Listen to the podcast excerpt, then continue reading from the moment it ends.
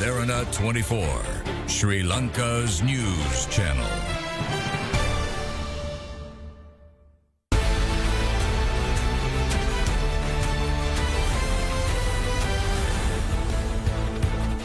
අයිබෝවන් අද දෙරන බිග් ෆෝගස් සමඟ ඔබ එකතු වෙන්නේ. එවගේම සුබ නවවාසරක් ප්‍රාර්ථනා කරනවා අද මේ දෙදස් විසි දෙක අවුරුද්ධය ජනවාරි පලවෙනිද හින්ද. අද කතා කරන්න හිතුවේ අපි අවුරුදු දෙකක් තිස්සේ කතා කලා නෙගෙටව් පොසිටව් ගැන මහින්ද පොසිටව් බන්දුල නෙගිටව් එහෙම කතා කලා හැබැයි කොවිඩ් එක්ක. ඒ එක්කම අපේ මනසත් නෙගිටව් පොසිටව් විදිහට තමයි බඩ කරන්න පටන් ගත්තේ. ඇතරම ගත්තෝතින් හැබැයි ගොඩක් දේවල් රිනාත්මක බලපෑම් තම අපේ ජීවිතවලට එල්ල කරේ. අපේ ආර්ථික තත්ත්වය අපේ ආර්ථික සමාජය තත්ත්වයන් අධ්‍යාපනය දරුවන්ගේ ලෝකෙම මේ තත්ත්වයක් මේ විදිට ඇතික වෙද්දී. ශෂම රාජ්‍ය පාලනයේ දේශපාලක්ඥයන්ගේ පාලිතයන්ගේ තියෙන දුර්වලතාන් නිසා අපිට රටක් විදිහට විවිධ ප්‍රශ්නවලට මුණ දෙන්න වුණා. ද ඒකම මාධ්‍ය ඇතුළු අපි සියලු දෙනාගේ වාර්තා කිරීම නිසා හැමතිස්සෙම අපිට දකින්න තියෙන්නේ මේ රිනාත්මක පුවත් වැඩිපුරය සරට ඇවිල්ලා ජනතාවටත් ඒ රිනාත්මක අදහස්වලින් පිරීගිය සමාජයක ජීවත් වෙන්න. හැබැයි මේ අවුරුද්ධවත් අපිට පුළුවන් වෙයිද. කවරු කොහොම කලත් පුද්ගලයෝ විදිර අපි තනියෙන් හිතලා මොනොහර දෙයක් කරලා ගොඩ යන්න ගොඩදාගන්න. තිහෙමනං අපි හිතනවා මේ ජෝතිශ්‍යවේදීන්ට වෙනත් අයට හැම අවුරුද්ධම පලාපල කියන්න පුළුවන් වගේ. ඔබේ ජීවිතය ඉස්සරහට ගෙනයන්න පුළුවන් තල්ලුවක් දෙන්න පුළන් පිරිසකට වැඩසටහට ආරාධනා කරන්න අද අපිත් එක්ක සම්බන්ධ වෙන්නේ ඒ අනුව වරලත් ජීව විද්‍යාඥය වගේම ප්‍රවීණ මනු විශ්ලේෂක ආචාරය සමන් වීරවංශ මහත්මය අයිබොන් ඔබ පිළිගන්නවා. ඒ වගේම අපිත් එක්ක සම්බන්ධ වෙනවා අද දවසේදී මේ වැඩසටහන්ට මානව හැකයා සංවර්ධන පුහුණු උපදේශක සහ මනෝවිද්‍යා දේශක මොහන් පල්ලියගුරු මහත්මය අයිබෝන් ඔබත් පිළිගන්න ඔබ දෙපලටම සුබ නවසර ප්‍රාථනා කරනවා. ඔබ මා ජීවත්වන මේ මොහොත ගැන ඔබේ කියවීම මොකක්ද පල්ලියකුරු මහත්මය? හොඳයි. අපේ චත්‍ර මහත්මානයෙන් ප්‍රතිම මේ අවස්ථාවක් කරගන්නවා විසයි විස්ස වර්ෂය විසයි විසි දෙක වර්ෂය ජයග්‍රහහි නවවසරක් වෙන්න කියලා පාර්ථනා කරන්න. හැබැයි මට මුලින්ම දෙයක් කියන්න ඕනේ පාර්ථනාවලින් පමණක් ජීවිත හෝ වර්ෂයක් හෝ රටක් හෝ ආයතනයක් යහපත් වෙන්නේ හෝ සුභ වෙන්න නෑ. ඒ අපේ සුභ කරගන්න ඕනේ එන අප එක පැතර හරවගන්නට ඕනේ. ඔබහන කෙටි ප්‍රශ්නයට මම තරමක් කෙටි පිළිතුරත් දුන්නොත් මම ජීවත්වෙන කාලය ගත්තම අත්දැකීම එක ගත්තම මානසික වශයෙන් ඉතාම මිනිස්සුන් වැටිච්ච දුරුවල වෙච්ච හා හෙට දවස මොකක්ද වෙන්නේ කියල හිතාගන්න බැරි තත්ත්වයක් නිර්මාණය වූ කාලපරිච්චේ දෙක තමයි අපේ ජීවත් වෙන්නේ. තත්ත්වයක් නිර්මාණය වූ අවස්ථාවක් කියලමං අදහස් කරන්නේ එය යථාර්ථයම නෙවෙයි අපිට අවශ්‍යනම් මේ තත්ත්වය වෙනස් කරගෙන අර අපි කිව්ව යහපත් අනාගතයක් සුබ අනාගතයක් අපිට නිර්මාණය කර ගැනීමේ හැකියාව පවතිනවා.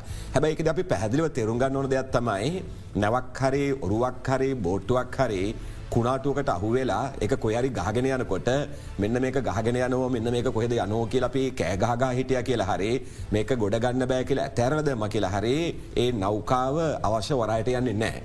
එතුරේ නෞකාවන සියලු දෙනා එකතුවල මොකද කරන්න ඕන ඉහල උද්‍යෝගකින් යුතුව තමුන්ට අවසු වරායක් කරා ඒ නෞකාව මෙහෙවන්න ඕනේ. එතු රට වේවා ව්‍යාපාරික ආයතන වේවා පවුල වේවා මෙන්න මේ අවස්ථාව තියන්නේ ඒ වගේ තැනක ඒ කියන්නේ අර මෙන්න මේක මෙහෙම වෙනෝ කිය කිය ඉඳල මදේ වෙනදේ මොකද කියල තේරුම් අරගෙන හැම කෙනෙක්ම වගකින් සහගතව කටයුතු කිරීම රහා මේ තත්ත්වය යහපත් තත්වයකට හරවගන්න පුළුවන්. එහෙම නැතුව සුබනව සරක්වේවා කියලා පාර්ථනා කර හිටියරනම් මේක සුබවේ කියල බලාපොත්තුවෙන බෑ.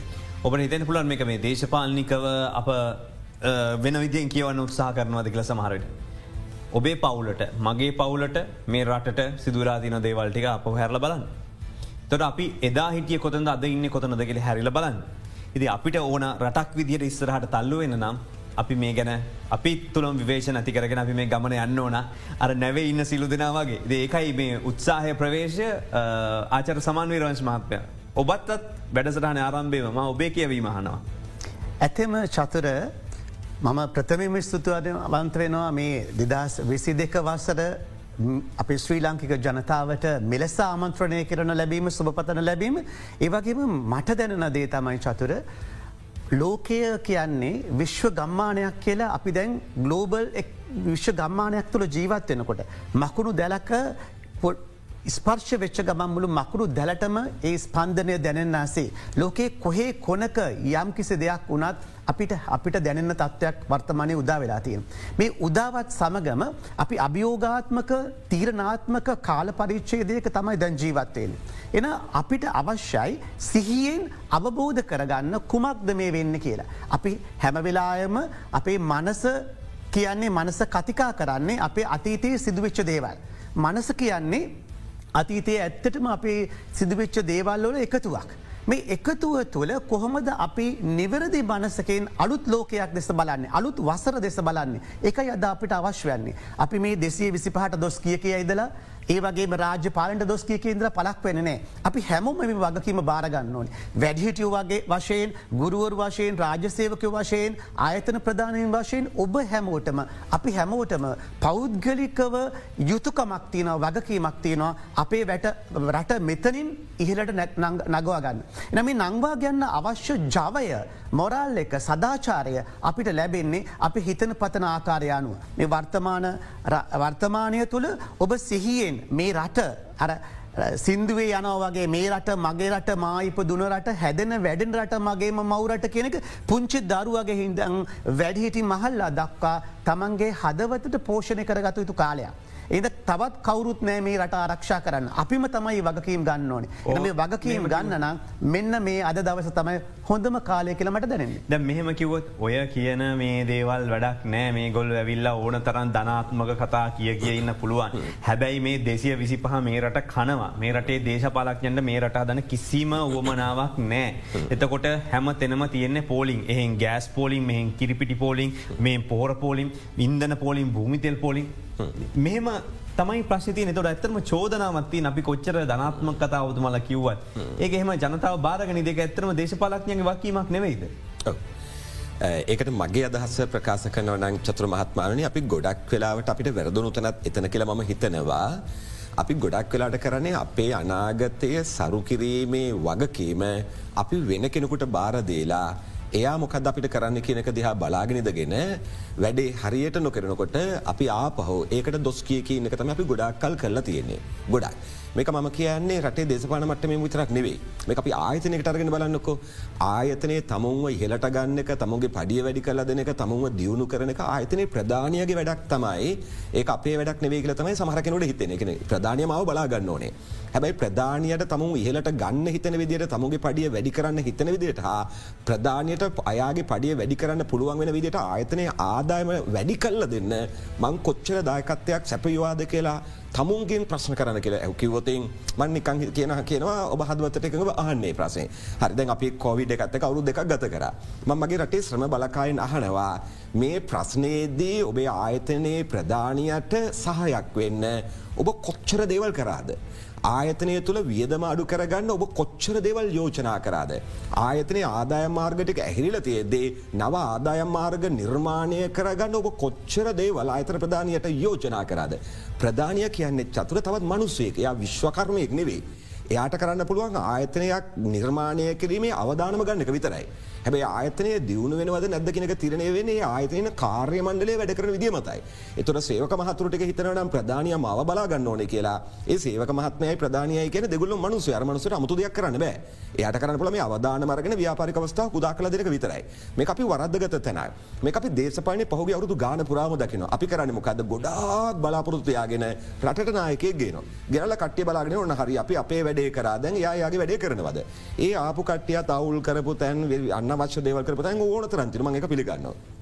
හැබැයි අපි ආපහ වෙන මොකද? අවුරුද්දත් දෙකක් බලාගෙන ඉඳලා අපි අපේක්ෂා කරන දේවල්ට ඉටු වෙන්න තිවෙනකොට අපි ඊළඟ අවුරුදුටික බලාගෙන හරි ඊළඟ චන්දදි වැඩේ දෙන්න මාරු කරන්න කියලා. මේක තමයි අපි අවුරුදු ගානක් කරලා තියෙනෙ මතවකට වැඩි කාලයක් කරලා තිබෙන කරලා තියෙනෙ මම කියන්නේ මීට වඩා සිවිල් පුරවැසියා. රාජ්‍ය අන්සේ වැඩ කරන රාජ්‍ය සේවකයා මේ අපි හැමෝම ශක්තිමත්වයෙන් ඕන ශක්තිමත්වයන කෙ කෙනර ආණ්ඩුන්ටෙරේ සටන් කරන නෙවේ. අපි තම තමුන්ගේ වගකේම් ටික හරියට ඉටු කරලා ඉස්සරහට අවනං අපිට දේශපාලත්යගෙන තිරණයක් ගන්න පුළුවන් හා දේශපාලත්යගේ බලය අඩු වෙනවා. එයාගේ බලය වැඩි වෙන්නේ අපි සීලුදේ ආගෙන් බලාපොරත්තු වෙනකොට යානිකන් අර විශ්වකර්ම අමුතු කෙනෙක් බොඩ පත්වෙනවා. අපි අගෙන් බලාපොරොත්තු නෝ වැඩි. හැබැයි මෙට යම් පිරිසක් ඉන්නවා එයාලට දේශපාලත්ය කවරුණ තිචර ප්‍රශයක් නෑ රට ගන්න තිර නිතර යාලට බලපානේ. තව පිරිසක්කින්න ඔවුන් මතමතමයි ජීවතනේ. ඒ නිසා අපි දැන් කරන්න ඕනදේ තමයි අපිට ඉස්සලම අපි අපේ ආර්ථිකය ගොඩනගා ගන්නන පවුල් ඒක වශයෙන්. ඉස්සලම ඒක කරන්න ඕනේ. ඉට පස අපි අපේ ආයතන ටික ශක්තිමත් කරගන්න ඕනේ. එතකොට රට ඉස්රට යන බටන් ගන්නවා. එතකොට අපි එක දැන් හරි සරලව කියයොතොත් ඉහල සිට පහලට වෙනස්සෙනකං බලන් හිටපු යුග අවසන් කරලා පහල සිට ඉහලට වෙනස්වීමේ යුගයක් ආරම කරන්න ඕනේ. දැන් මේ විදිහට ඔබතුමාලා කියනකොට අපි ගත්තොත් අපි අංශ වශයෙන් ගත්තොත් දැන් මේ රාජ්‍ය සේවකයෝ සියලු දෙනාම අවුරුදු දෙකට විතර පස්සේ සම්පූර්ණයෙන් කැඳවීමක් කළ තිබෙන. බතුමල්ලා ඔබතුමල්ලගේ මානව හැකියා උපදේශක විදිහට ඔබතුමල්ල යනවා මේ ප්‍රවර්ධනය කරන්න රාජ්‍යායතනවලට මේ අංශවලට මොනවද දකින්නේ මොනවද අපි විවහත්මක මේ අවරුද්ධ අඩු අගන වෙනස් වෙන්න ඕන දෙවල්ක බතුම මොද හිත ඇතිම චතුර රාජ්‍ය ආයතනයකට අපි පුහුණුවකට අභ්‍යාස කරනයකට ගිහම අපි දකින ප්‍රධානම දේ තමයි මේ පුහුණුව සඳහා ඒ අයගේ ලොකු කැමැත්තක් නැති බව. මේ කැමැත්තක් නැත්තේ ඒ බොහෝ සේවකයෝ ඉන්නේ කලකිරීමෙන්. නැත්නේ නැතිනම ඔවුන් ආත්මාතකාමී රාමුවක් තුළ ඉන්නේ. මොනාද අපිට දෙන්නේ අපිට දුන්න දේත් විදිහට තමයි ගොල ක්‍රියා කරන්න උත්සාහ කරන්නේ. න අපි ප්‍රධාන වශයෙන්ම කරන්න ඕනේ මේ රාජ්‍ය සේවකීන් තුළ හැඟීමක් ඇති කරන්න ඕනේ ඒ රාජ්‍ය සේවේ තුළ තමන්ගේ වගකීම යුතුකම රාජකාරය පිළිබඳව. ඒ සඳහාද අපි ගත්තුවත් උදාහරණයක් වශයෙන් රාජ්‍යසේවකීන්ට පුහුණුවක් ලබා දෙන්න වෙනම බජොට්ටිකක් වෙන් කරනවා. නමුත් දැන්වර්තමානය අපි දකින්නේ අඩුම බජොට්ටිකක් වෙන් කරන්න පුහුණුව සඳහා. ඒ මුදල වෙන් කරන්න පුහුණුව සඳහා. එන මේ පුහුණුව කියන එක අත්‍යවශ්‍යයි රාජ්‍යසේවකයන්ට ඒ නිතර සසසා අභ්‍යාසේ යෙදෙන රාජසේවකය තුළ ආකල්ප වෙනසක් ඇතිවෙනවා හැඟීම් මොල වෙනසක් ඇතිවෙනවා. මේ හැඟීම් වෙනසක් ඇතිවෙනකොට මේ පුහුණුවට අනිවාරයම ආයතන ප්‍රධානින් පවා සහභාග වෙන්න ඕනේ. ද වර්තමානය අපි දකිනේ ආයතනයක් තුළ ආයතන ප්‍රධානීන් ගත්තොත්. ඔවුන් ෘත්තිය වශයෙන් ෘත්තිකයන් ලෙසද කටයුතු කරන්න කෙනෙක ගැටලුවක් වෙලා. ෘතික කුහකත්වය හැම තැනම. වර්තමානය අපි දකින අපි අපි දන්නවා රාජ්‍ය ශේෂත්‍රය තුළ විවිධ වූ ස්ථානගත පොෂිෂන් සේ කියන්නේ පරිපාලන සේවය වගේ සේවාවන් දහයකට වඩා අධිකව තියෙනවා. මේ සේවාවන් දහය තුළ ඉන්න රාජ්‍ය සේවකයෝ නායක වශයෙන් තමයි අද අපිට දකිට ලැබෙන්නේ. මේ නායකින් තුළ සැබෑ නායකත්වයක් තියෙනවද. අපිට අතීතයේ නම් රාජ්‍ය පරිපාලන ශේෂත්‍රයේ ඉන්න ලේකම් කෙනෙක් හෝ රියෝජ්‍ය ලේකම් කෙනෙක් හම්බුනම ඔහු දැනුමෙන් පරිපූර්ණ වගේම අත්දැකීමෙන් පරිපූර්ණයි. ඔහු ගන්න තීරණ ඇය ගන්න තීරණ ඉතාම නිවරදි තීරණ ගන්නවා. තීරණයක් කියනක වැරදි වෙන්නත් පුළුවන් නිවැරදි වෙන්නත් පුළුවන්. නමුත් අපි වර්තමානයේ දකින්නේ රාජ්‍යසේවී පමණක් නොව පෞද්ගලිකාංශය පවා. අපි දකින බොහෝ අය ආත්මාර්ථකාමී ලෙස හැසිරෙනවා. මේ ආත්මාර්ථකාමිත්වයෙන් බැහැරව අපේ රට කියන හැඟීම අපිට ආව දවසට. අපේ රට කියන හැඟීම අපිට ගන්න පුළුවන් අවස්ථාව බොහොතකට. මේ වසර කියන්න ඉතා වැදගත් වසරක් වෙනවා අපිට. එහින්ද අපි උත්සාහ කරන්න ඕනේ රාජ්‍ය සේවේ තුළ හෝ පෞද්ගලිකාංශය තුළ හෝ වේවා නොව බුළු සිවිල් සමාජයම. ආයතන ගත සිවිල් සමාජය මේ කැන රාජ්‍ය නොවන සංවිධානය ඉදං අපේ පන්සල පල්ලිය පවා ශක්තිමත් වෙන්න ඕනේ මේ රට ගොඩනගන්න ඒ රට ගොඩනගන්න නම් මේ ශක්තිමත් භාවයට තමන් තුළ ස්වැන් විනයක් ඇති කරගන්න ඕනේ මේ ස්වැන් විනය කියන එක නැති වුණ හිද තමයි අද අපේ රට මේ වගේ තත්වට පත්වලාතිය. එතකොට මොහන් පලිකුර මහත්ම දැන් රාජ්‍ය සේවකයන්ගේ බොහෝ දෙනෙ සමහට අවුත් දෙකින් පස්සෙන්. එතට අවුරුදු දෙකක් වැඩක් ඔවන් සිදු කලති නො ඔන්ලයින් විදිට එක්ක වැඩ කරලමන එක්ක වැඩ අඩුලා තියන. නමුත් රාජ්‍ය සේව පිළිබඳ පහුගේ කල්තිබුණ යල් පැනගේ අදහස් සමහර වෙලාවට මම තමයි ප්‍රධානය මට කාමරයක් තියෙන් ඕන මගේ බෑග්ගෙන් යන්න කෙනෙක් එන්න ඕන තොට මේ ඕපන් ස්පේසගේ වැඩ කරන ලෝකයක හැබැයි ඔවුන් කාමර නිලතල පුට්ටු වාහන මේවත් එක්ක පැලපදියම් වෙච්ච පිරිසක් විදිහත්තමයි දකින්නේ. තොට මේ අවුරුදු දෙකේදී මේක වෙනස් වෙලත් නැතුව ආපහුබාරක් ආවොත් අර විදිහට මොකද වෙන්න ඇත්තරම. හුගක් වෙතගත් ප්‍රශ්නයක්. ඇල්බට අයින්ස්ටයින් වරක් කියනවා ඔබ කරන දේ එලෙසම කරෝතින් ඔබට ලැබෙන්නේ ඒ විදීම ප්‍රතිඵල ඔබට ප්‍රතිඵලය වෙනසක් අවශ්‍යනං ඔබ කරනාවිදිය වෙනස් කළ යුතුය කියන ප්‍රකාශය හරි වැදගත් ප්‍රකාශයක් චේන්ජ් කියන කේදී. අපි මුලින් තේරුම් ගන්නොද ඕන දේ තමයි තිබුණු රටයි දැන්තින රටයි කියන්නේ සම්පූර්ණයම වෙනස් තත්ත්වයක් මේක අපි කියන්නේ නවසාමාන්‍ය කරණයක් කියලනේ. එතකොට මේ මොහොත්තේ හැමෝම හිතන විදියි හැසිරෙන විදියි මේ දෙකම වෙන්න ඕනේ එකන බිහිවිරල් චේචකක් තියන ඕනේ තිකින් පැටනක චේචකක් තියන ඕනේ. එය රාජ්‍ය සේවකය මහත්ම මහත්මින්ගේ ඉඳලා. පාශලන ශිෂ්‍ය දරුවගේ ඉඳලා දේශපාන ශේත්‍රීන ප්‍රධානය දක් ඉඳලා ගෙදරන්න කෑමටකොයන මගේ අම්මගේ ඉඳලා මේ හැම්ම තැනම මේ වෙනස වෙන්න ඕනේ. හැබැයි අපි ඒ වෙනස කරගන්නතු අපි කරපු දේවල්ම කර කර අනුන්ට කාටහරි දොස්කිය කිය අපි අරකැන මෙන්න කනෝ මෙන්න කනෝ මෙන්න කනෝ කියලා කෑගැහුව කියලා මේක මුකුත් වෙන්නේ නෑ. එතොට මේ හැම තැනම මේක වෙන්න ඕනේ. මම යෝජනා කරනවා මේ අලුත් අවුරුදේ අලුතක් වෙන්න නම් අපි පොඩි ආකල්පමය වෙනස්කම්ටිකක් ඉස්සල ඇතිකර ගමු කියලා. එයින් එකක් තමයි අපි රස්සාාවක් කරනවා කියන මයින් සෙට් එක මනසින් අයින් වෙලා අපි හිතන්න පටන් ගන්න ඕනේ අපේ ඩොක්ට කිව්වාගේ අපි රටට වැඩ කරනවා කියලා. එකන ලෝක ඕනම දියුණු රාජ්‍ය අධ්‍යා බැලුවම් පේන දේ තමයි ඒක මිනිස්සුන්ට තමුන්ගේ රට ගැන තමුන්ගේ ජාතියන මෙතම මේ ජාතිය කියන සිංහල දමිලෙහිම විදිර නෙවේ ශ්‍රී ලාංකික ජාතියක් ලෙස තමුන්ගේ ඉතින අභිමානය එක තමයි වැදගත්මදේ. අපි ජපානයට උදාහරණකට ගියෝතෙන් ජපානය දෙවන ලෝක යුද්ධේද හිරෝෂිමා නාගසාක සකතමන් කියන්න ඕන එක හැමෝම දන්නවා. ඒක උනාට පස්සේ මොකද උනේ කියනක වැදගත්. හිරෝසිමා නාගසාක බෝම්බ සිද්ධියෙන් මේක අලුදුවිල බිමට සමතලා වනාම ජපානයේ විදේශය රටවල්ලට පවාහිටපු විවිධ විශේෂත්ඥයෝ තීරණයක් ගන්නෝ හිරෝසිමාව ගොඩනගිය යුතුයි. නාගසාකි ගොඩනගිය යුතුයි. ඔවුන්ට තිබුණ ඉහළ වැටු. ඉහළ වරත් ප්‍රසාද ඇත ඇරලා ඔවුන් සියලු දෙනයිනවා මේ නගරවලට ඇවිල්ල ශ්‍රේච්චාවෙන් වැඩ කරන්න පටන් ගන්න. චතුර මහත්මා ජීවිතය අපි දිනක අවසානය සතුට වෙන්නේ අපි කොච්චර ගොඩගාගතද කෙනක නෙවෙයි. අපි කොච්චර දෙයක් කරාද කෙනෙකයි. හරි දැන් අපි රාජ්‍ය සේවටෙමු. එතුර රාජ්‍ය සේවය කියන්නේ මේ රටේ උපත්තියේදල මනුස්සයගේ මරණය දක්වා සම්බන්ධ ජාලය. ඕකෙන් තොරව මෙලෝ දෙයක් කරන්න බෑ කිසිවක් කරන්න බෑ. රාජ්‍ය සේවන නිලධාරි මහත්ම මහත්මයෙන් ග්‍රාම නිලධාරිතුමා දක්වයි සියලු දෙෙන හිතුවොත් නෑ අපිට සියල්ලට වඩා රට කියල හිතුවොතින් අපි ඔය කෑගහන දූෂණය කරනවා වංචා කරනවා කියන දේශපාලත්යන පවා කරගන දෙයක් නැතුව යනවා. ඇයි දේශපාලත්ඥගේ උපරිම බලකාලය තින අවුදු පහයි හයයි. එයා ගැන තීරණ ගන පුළ මහජනතාවට හැබයි රාජ්‍ය නිලධාරගේ බලකාලට වැඩ හු විශ්‍රාම ගන්නකහු රාජසයන්නේ කරන පුළන් උපරිමදේ දේශපාලඥට මේ ලංකායි කොතහරි කෙලවරකට මාරු කරන විතරයි. වෙන කොහයවන ඉදිවට යවන්නේ? මලදිවට යවන්නේ? කරන්න පුළන් ගොච්චරයි එක රාජ්‍ය නිලධාරය හරි කෙලින් වැඩකනගෙන මංගහව මට මට මටගෙන ම දේශපාලඥට බයන මහන් මාත්මා හේතු උට කරන්න පුළන් එක්කම දේ මාව කොහටරි ට්‍රන්සගෙන එක. ම රාජ්‍යසයට ආවේ ඕන තැනක වැඩ කරන ති කොහරදමත් මට කොමඟාව වැඩ කරන්නේ එහෙම හිතන්න පුළුවන්නම් මේ රාජ්‍ය නිර්ධාරෙන් සීලු දෙනාට අවුරුදු පහක් තුළ මේ තත්ත්වයන් වෙනස් කරන්න පුළුවන්. ජපානයේ මිනිස්සු තීරණ ගනිද එකන පෞද්ජලිකන්සේ වේවා වෙන කෙනෙක්ේවත් තීරණ ගනිති සංකල්ප තුනක් පාවිච්චි කරන. එයාල ඉස්සෙලම බලන මං මේ කරන්න යන වැඩේ මගේ රටට බලපානය කොහොමද. රට එක. දෙකයා බලපාන ම මේ කරන වැඩේ මගේ ආයතනයට බලපානය කොහොමද. තුනට ය බලනවා. මේක මට බලපාන කොහොමද? එක තුනේ තියනෙ මට බලපාන කොහොද කියන ඉස්සල්ල මට බලපාන තියන මේ වැද නෑන අපේ රටේ සමාන මහමකොට ඔක අනි පතවෝ කිය කියන පැත්ත. ඉස්සල මට මොකක්ද වෙන්නේ? දෙක ආයතරයට මොකක්ද වෙන තුන මේ රටති හිතන්නෙත් නෑ වගේ සමහරු. ඒ අදාළම නෑ. අතීතයේ මිනිස්සු වැඩ කළ තින ඔයි ක්‍රමේටයි අප රටම ගන්නකෝ. මේ මහ වැව් අමුණු මේ වැහැදුවේ එමිනිසු රට ගැන හිතලනේ ඒමිනිස් හිතුවන අපි මොකට ොච්චර වැැව් බඳන්න දඟලන්නේ නේ අපි ඔය තින දෙයක්කාගෙන හිටියන ඇති කියලා අපිට මේ වැව්ටික නෑනේ. අපිට මේ දාගැප්ටික නෑනේ අපිට මේ විදේශිකයන්ට පෙන්න්න මේ නටබුන්ටික නෑනේ. එතොරේ අතීත මිනිස්සු කරහසේ අපි ජීවත්තයන චතුරමහත්මයක් ටික කාලයයිනේ මේ කාලේ අපි අපි ගැනක හිතනක චුට්ට පැත්තක තියලා යමක් කරලා මැරෙන තම යෝනේ. එහමතු අතිති මිනිසු කරලා තියනෙ. ඉති මේ අවුරුද්ධ වෙනස් වෙන්න නම් ම රාජ්‍යසයෙන් පටන්ගත්තුත් මඟ ඔබට යෝජනා කරනවා මෙ මේ වගේ යෝජනාටික සරල යෝජනා කිපීමට විනට කීපයක් තරදෙන්. කාගේ අපි කියමුකෝ ව්‍යාපාරයක් ආරම්භ කරන්න කවරු හරි කෙනෙක් මොකක් හරි ඔබෙන් ලේකනයක් ඉල්ල තියෙනනක් එක ලියාපදිංචි කරන්න ඉල්ල තියෙනවනක් මට ලැබෙන්නේ මොකද කෙනක පැත්තක තියලා මේ මනුස්්‍යය මේ ව්‍යාපාරය පටන් ගත්තොත් අඩු ගාන යැපෙන්නෙක් නැති වෙනවා.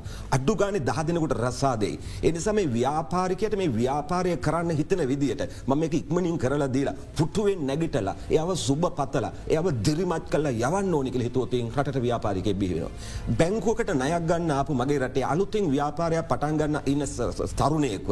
ඒයාට ඒක එපා වෙනකම් ප්‍රශ්නහලා එයාට අරහට යන්න මෙහාට යන්න ලිපිලේකන ගෙන කළ එපා කරන්නතුව මට බොහම සතුටේ පුතා ව්‍යාපාරිකෙක් වෙන්න යන්න. අපේ සුව පැතුම් මොකද අපෙන් කෙරෙන රයිට් මෙහම පටන්ගන්න මන්දන්න ව්‍යාපාරිකෙක් වන්න මවාට ඒව සම්බන්ධ කළ දෙන යගෙන් දෙවටික අහගන්නරයට කොල්ලකක්දල මේ තරුණයෙක් උදව් කරන කියලා කිවෝතින් අපි ව්‍යාපාරිකෙ බී කරනවනේ. මට ලංකාව එක කළමනාකරෙක් ම මේ වගේ කතා කරම කිව්වා. ඔබේ කතා වහගෙන හිටිය මහත් මහත්මට පුද්දුම ධෛරයක් ලැබන මඟට පුරුන්දු වෙනවා විශ්සයි විසිදක වර්ශම ව්‍යාපාරිකය විසි පස් දෙනෙක් මගේ පලාතෙන් බිහි කරනවාකිව මගතුමගේ කොඳරටව දාලක බීත මිනිසෙක් කියලා මගේට එන්න සියලු රාජ්‍යසේවන නිලධාරන එහෙම හිතුවොත්තේ චත්‍රමත්ම මේ රට වෙනසේ නැද මොකක්ද අපිට මේ රටේ මේලා තින ප්‍රශ්නටික ප්‍රශ්න කීපය තියෙන එකක් අපි කෑගහන අපට විදේශ සංචිතවල හිගයක් තියෙනවා. අපි කෑගහනවා අපේ බඩුමිල වැඩි වෙනවා කියලා. අපි කෑගහනෝ අපේ ගෑස් පුපුරනවා කියලා. අපි කෑගහනවා අපේ රට අනුගේ රටවලට දෙන්නවේ කියලා. මේ සේරම වෙන්නේයි මේ ආර්ථික අර්බුදයක් එක්කනේ තියෙන්නේ. අපිට ආර්ථිකය ශක්තිමත් කරන්න පුළුවන්න්නන් මේ ප්‍රශ්න ගොඩක් විසඳ ගන්න පුළුවන්නේ. ඉති ම මගේ රටේ එක එක පුරවැසියගෙන් අහනවා ඔබ උදේන්දලා නිියස්්ටික බලාගෙන හිතරිද්දගෙන කල්ල කෙරෙලා මෙවුන් එක්ක වැඩක් නෑ මං මේ රටෙන් යනවා මේ රටේ දෙගෙනනම් ගොඩගන්න ගොඩ යන්න බෑ කියලා හිත හිතා ඒත් ඉන්න. ඒත් ඉන්න ගොඩදෙන ඉන්න එම කියක ඉන්න. ඉන්න එක පැත්තක තිලම නිකමට අන මේ තත්ත්වය වෙනස් කරන්න ඔබ මොකද කල්ල තියෙන්නේ. ම ඔබ නිකමටහන ඔබ බෙලෝලු මිල වැඩි වැඩි වැඩිකෙන ඔබතරින් කී දෙනෙක්ගේ වටේ අඩු ගානේ වම්බටු බන්්ඩක ගස්ටි පලටිකක් හිටවගත්තද. කී දෙනෙක්. අපි එලියට තියෙන එලෝලු මිල වැඩි එක ගැන කෑගනවන එක වෙනස් කරන්න බැරි නං මම මොකක්ද කරන්නේ ඒ තත්වය වෙනස් කරගන්න. නෑට අපි හිතන්නේ මනමේනි අපි හිතන්න දැන් ගෝටාබය ඇවිල්ලා බවලදේ රටික මෙයාවිල්ල වලදේ මේකල තම මේ වැඩේ කර මේයාගේ පොහර නැවැත්වීම එක වැරදි කියලා. එතට අපි හිතන ඊළඟ ආණ්ඩුවෙන් ආවත් එතුමල මේක කරලදේ කියලලා අපි හිතන්න මේක මේ දේශ පාලක්ඥ ඇමතිවරු මේගොල්ල අපිට දෙන්න බැඳිලා ඉන්නවා කියන එක එහෙම එකක් හිතන්න බැයි දෙගොල්ලන්ගේ වැරද තමයි මේ අපිට බලපෑව කියලා. රටක පාලකයා ගනු ලබන තීරණ රටේ ජනතාවට බලපානවා කියන සංකල්පය මම් බැහරවෙන්නේ නැහැ. ජීකනිවාරෙන් බලපෑව තියෙනවන හැබැයි එයාලා හරියට කරන්න නැත්තං. එයාල වරක්දන වනං මේක වැරදිී වැරදිී වැරදිී කිය අපි කෑගහගා හිටිය කළ මුකුත් වෙන්නෙත් නෑ. අපිකට මොනහරි කරන්න ඕන. කරන්න නමං ඉන්න ඕනනේ ඉස්සලම මගේ පැවැත්ම තහවුරු කරගන්න ඕනේ. තහවුරු කරගෙන අපික වෙනස් කරන දේවල් කරන්න ඕන හොදර කරන්න ඇත්තන් අපි ළඟ චන්දෙ තිරණයක් ගම්ම එතක ජීවත්වෙන්ට පෑ එතකන් අපි පවාගෙනහර කමු. අපි ගොඩයම ගොඩයමු දැන් ඔබතුමා යහපාලනය පිළිබඳ මේ රටේ මංහිතන්නේ පළමු පH එක් කරපු ගෙන. තොර මේ සංකල්ප විදිහට අපි ගත්තෝතින් රාජ්‍ය අන්ටනයේ ධර්මිෂ්ට සමාජත දසරාජ ධර්මයද එම නැත්තන් අපි කතා කරන වජීන් ගෙන්ගෙන ගමුද? අපි මේමනි කතා කරන්නේ. හැබැයි ඒ වුණට මේ තියන දේවල් නැතිවෙච්ච හින්ද නෙවෙයිද මිනිස්සුන්ගේ මේ පශ්චත්තාපවීම ඇති වෙලා තිබෙන්නේ. දෙනකොට අහසෝසට පොරොන්දු දෙනවා කරනකොට ඒවා වෙන්නේ නෑ. ඔහු චතුර යහ පාලනය කියන සංකල්පයම බොහෝ දියුණු රටවල තමන්ගේ රාජ්‍ය පාලනිදි පමණක් නොවේ ආයතනයක් පාලනදී පෞද්ගලිකව තමාගේ ජීවිතටත් වැදගත් සංකල්පයක්. නමුත් ලංකාව තුළ ඒ සංකල්පය පවා දූෂණයට ලක් කලා. එති දූෂණට ලක්කර ඇයි ඒ දූෂණට යක් කළේ යහ පාලනය කියන කුමක්ද කියලා හරියට අවබෝධ කර නොගැනීම. මිනිස්සුන් වශයෙන් මේ යහපත් පාලනයක් කියන එක මේ පාලනය කියන වෙනම දෙයක් නැමුත් යහපත් පාලනය කියන තවත් දර්ශනයක්. මේ යහපත් පාලනය තුළ මිනිසුන් බලන්නේ මිනිසුන්ගේ තිරසාර පැවැත්මට උසස් ජීවන තත්වයකට මඟ පෙන්වීම. මයිතන මේකත් මේ යහපාලනය කියලේ ආණ්ඩුව ගෙනපු ගිය ආණ්ඩුව ගෙනපු ප්‍රතිපත්තිය කියන කර ගන්න එපා අපි මේ කතාගන්න යහ පාලනය ඇත්තටම මොකද ඒ යහ පාලනය කියන එකේ දැ අපි අපි දන්නවා දසරාජ ධර්මයෙන් රටවල් පාලනය කර කියන එකන නම දසරාජ ධර්මය මොකක්ද කියලවත් දේශපාලච්ඥමත් අපිවත් දන්නේන ගොඩක් කලාවට දශරාජ ධර්මය වගේ යහපාලනයේ ප්‍රධාන වගකීමක් තින මාධ්‍යයට. ඔබට ඔබලාට ඔබ ආයතනවලට. නමුත් මේ මාධ්‍ය මොකද කළේ? අර ගෝබ්ලස් නියමය කියලා නියමයක් තියෙනවා. හිට්ලර්ගේ හිටිය ප්‍රධානම මාධ්‍ය ප්‍රචාරකය ගෝබ්ලස්. ගලෝබ්ලස් කළේ ඕනම බොරුවක් සත්‍යයක් කරලා දිගින් දිගටම ප්‍රචාරය කරනවා දිගින් දිගටම ප්‍රචාරය කර ඕනම දෙයක් ඕනම ඕනම පඹෙක් ඕනම බොරුවක් ඕනම මිත්‍යාවක් වැපුරුවා. ඒක ප්‍රතිඵල තමයි අපි බුක්ති විදින්නයාද. ඒ ප්‍රතිඵලය අද බුක්ති වෙනවා එන මා යහපාලනය කියන එකේ ප්‍රධානමතිය ප්‍රධානම කවුලුවක් තමයි මාධ්‍යය. මේ මාධ්‍ය තුළ වගකීම නිසියාකාර ඉටු කරන්න ඕනේ මේ රටේ මිනිස්සුන්ගේ ආකල්ප වෙනස් කරන්න. අනිවාර මහිතනිති විවේශනය බාරගන්න වෙනවා ආදතර එකකව මේ රහන්න මේ රට ගොඩනගන්න නම් පුංචි දරුවගේ දම්. පුංචි දරුවගේ ඉන්න මංකේ පුංචි පාසල් යන දරුවගේ පුංචි ළමා කාලේ අපි එදාහපු සිින්දුවත් අද ඇහෙන්නේ මේ සින්දු තුළ තියෙන්නේ රට ගැනවනේ හැඟීම් ගැනනේ වැඩ ගැනනේ වැඩිහිටියෝ ගැනනේ ආදරය ගැනනේ අද ඒ දේවල් ගතිකුණ පුංචි දරුවගේ ඉඳං පිරිහිලා ගිහිලතිනවා. මේ පිරිහීමට වගකීම විශේෂයෙන් මමනං කියන්නේ මාධ්‍ය තුළ වගකීමක් තියෙනවා. ඒවගේම අපි සිවිල් සමාජයක් වශයෙන් අපේ වගකීමක් තියෙන. මේ වගකීම නිවැරදිව ඉෂ්ට කරන්න නම් අපිට මේ දෙදස් විසි දෙක වස්සරේ මගේ මිත්‍ර මහන් පල්ලිය ගුරු කිව්ව ආකාරයටම අපිට හැඟීමක් තියන ඕන අපිට සිතුවිලි තියෙනවන අපිට දැක්මක් තියෙනවන රටගැන්. උදාහරණයක් වශයෙන් කියනවන ඇතිම මම බොහෝ කැමති අර මහින්ද චින්තනය තුළ තිබුණ දැක්ම. ආසියාව ආශ්චාරය කියන එක. ඇතරම මේ ආසියාව ආශ්චාර කියන දැක්මක් කියන එක තොට අපිට චිත්‍ර මැවෙනවා අපේ රටත් ආශ්චාරය වොන්ඩ of ඒශයා කියලන අපි හැඳුන්නුවේ නමුත් මේ වොන්ඩ of ඒශයා හදන අපි අපි හැමෝම එතකොට අපි හිතුව අපේ රට සංවර්ධන වේ අපි විශ්වාස කලා. මේ විෂන් එක තුළ මිෂන් එක කැ ගමනාන්තය තුළ ගමනාන්තයට යමන මාර්ගයට අපි කෙනවා මෙහෙවර කියලා. මේ මෙහෙවර තුළ මෙහෙවරක් ක්‍රියාත්මක වෙන්න අපි සදාචාරවත් වී යුතුයි. මේ සදාචාරය කියන විනය විනයකින් තුර සදාචාරයක් නෑ.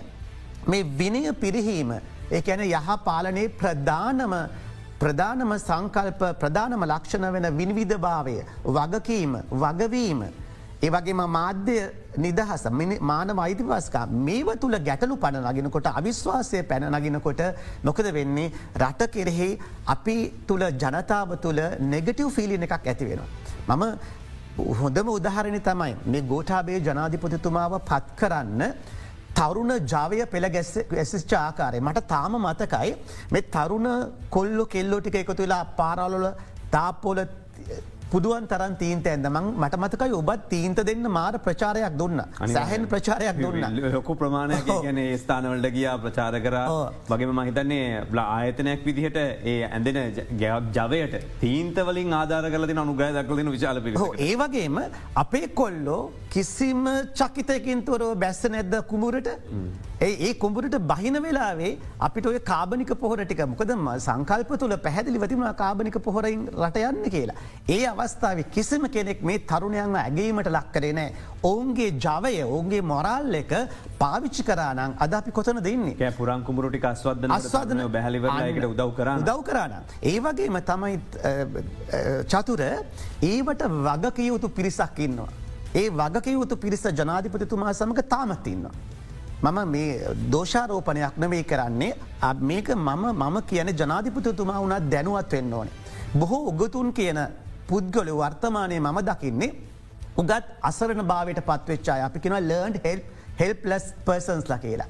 ඒ අය වියතුන් වෙන්න පුළුව. ප්‍රධාන වශයෙන් ආයතන වල ප්‍රධානින් වශයෙන් පත්වෙලා. ගන්න තීරණ තුළ බොහෝ ජනතාව රටින් ඇත්තෙන්න්න ආයතන නෑත්තන හේතුන රටදාලයන්න රටදාලයන්න හේතුවනා. ඒ මේ කොල කෑල්ල වියතුම් වැඩක් නෑ විතු වැඩක් නෑ ප්‍රායෝගිකව පොලේ පයගහලා තීරණ ගන්න මට්ටම මිනිසුන් තමයි රට පාලනයට අවශ්‍ය. අනිවාරෙන්. ඉතින් ඒ යහපාලනය පිළිවඳ පිේචිටෙක් කරපු ආචාරය සමන් වරවංශ මහත්ම ඉතින් එතුම කියනවයි කොලට පමණක් සීමන මිනිස්සුත් එක ප්‍රයෝගික මේ ගමන යන්නන කියලා. මොහන් පල්ලෙගුරු මහත්ම ඉන්න සූදානමින් මට තවහන්න දෙවල්තින විශේෂෙන් මාදරෙල්ල වෙච් විවේචනය අපි හැමදනම් පිළිගන්න ඕන කතාව. සිවන ආණ්ඩුව කිය නිකන් හිටියට වැඩන්න මේ මොහරි කරේ නැත්තන් අපි විරාමකට ගිහිලනකන් රැඳන්න. මේ අද දෙරන බික් ෆෝකස්.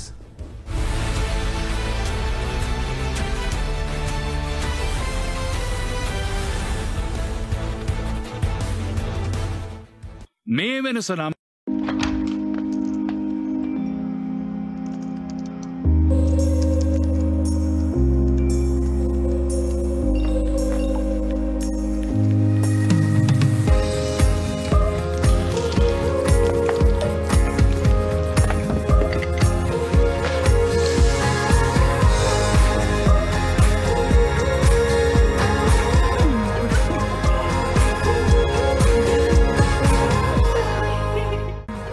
ලීට දෙකේ කෝක කෝලගත් සමඟ සේරා කොත්තු කොත්තු පැක් එකක් නොමිලේ. ඉවත් කිරීමට අසීරු පැල්ලම් ඉවත් කර ඇඳුම් අලුත් වැඩියා කරමින් රැදි පිළි සුස්සිනිදු කරයි. ඕල්ලව් ජීවිතයට පැල්ලම් නෑ.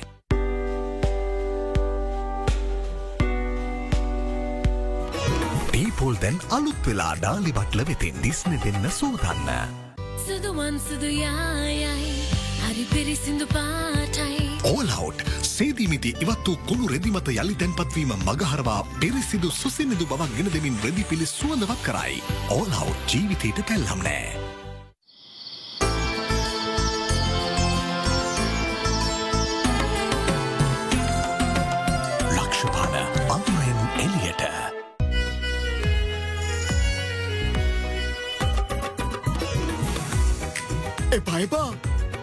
ඉවරයි කියලා හිතුවට ඉවරමනේ ගන්න ටීපෝල් රීෆිල් පැක් එක. මුදලුත් ඉදිරි පරිසරයටත් හිත කරයි. ඩීපෝල් රීෆිල් පැක්.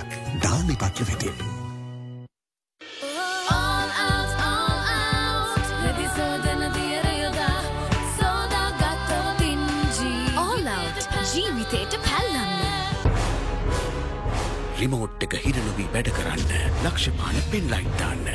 ලක්ෂපාන පුංචි බලාකාරයේ.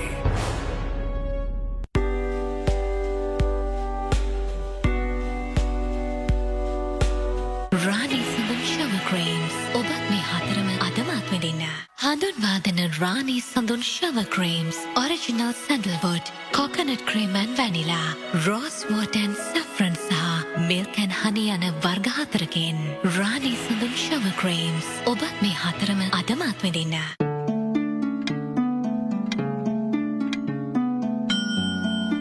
වෙඩින්න. ෆෙක්සල් හයිජන් බෝස්ටර්ස් නොපෙනෙන විෂබීජ මට්ටුයි පෙනෙන පැල්ලම් ඔට්ටුයි. කීල්ස් වෙතින් මේ සතියේ ඔබට අවශ්‍ය බාණ්ඩ සඳහා හොඳම මිල ගණන්. සුදු සීනි කිලෝ එකක් දැන් රුපියල් 128යි. සියට පහලවක වට්ටමක් සමග ආනයනික දොඩම් ග්‍රෑම් 100ක් දැන් රුපියල් 55යි. නැවුම් නිෂ්පාදන අත්‍යවශ්‍ය බාණ්ඩ ඇතුළු හැම දෙයක්ම දැන් හොඳම මිලට.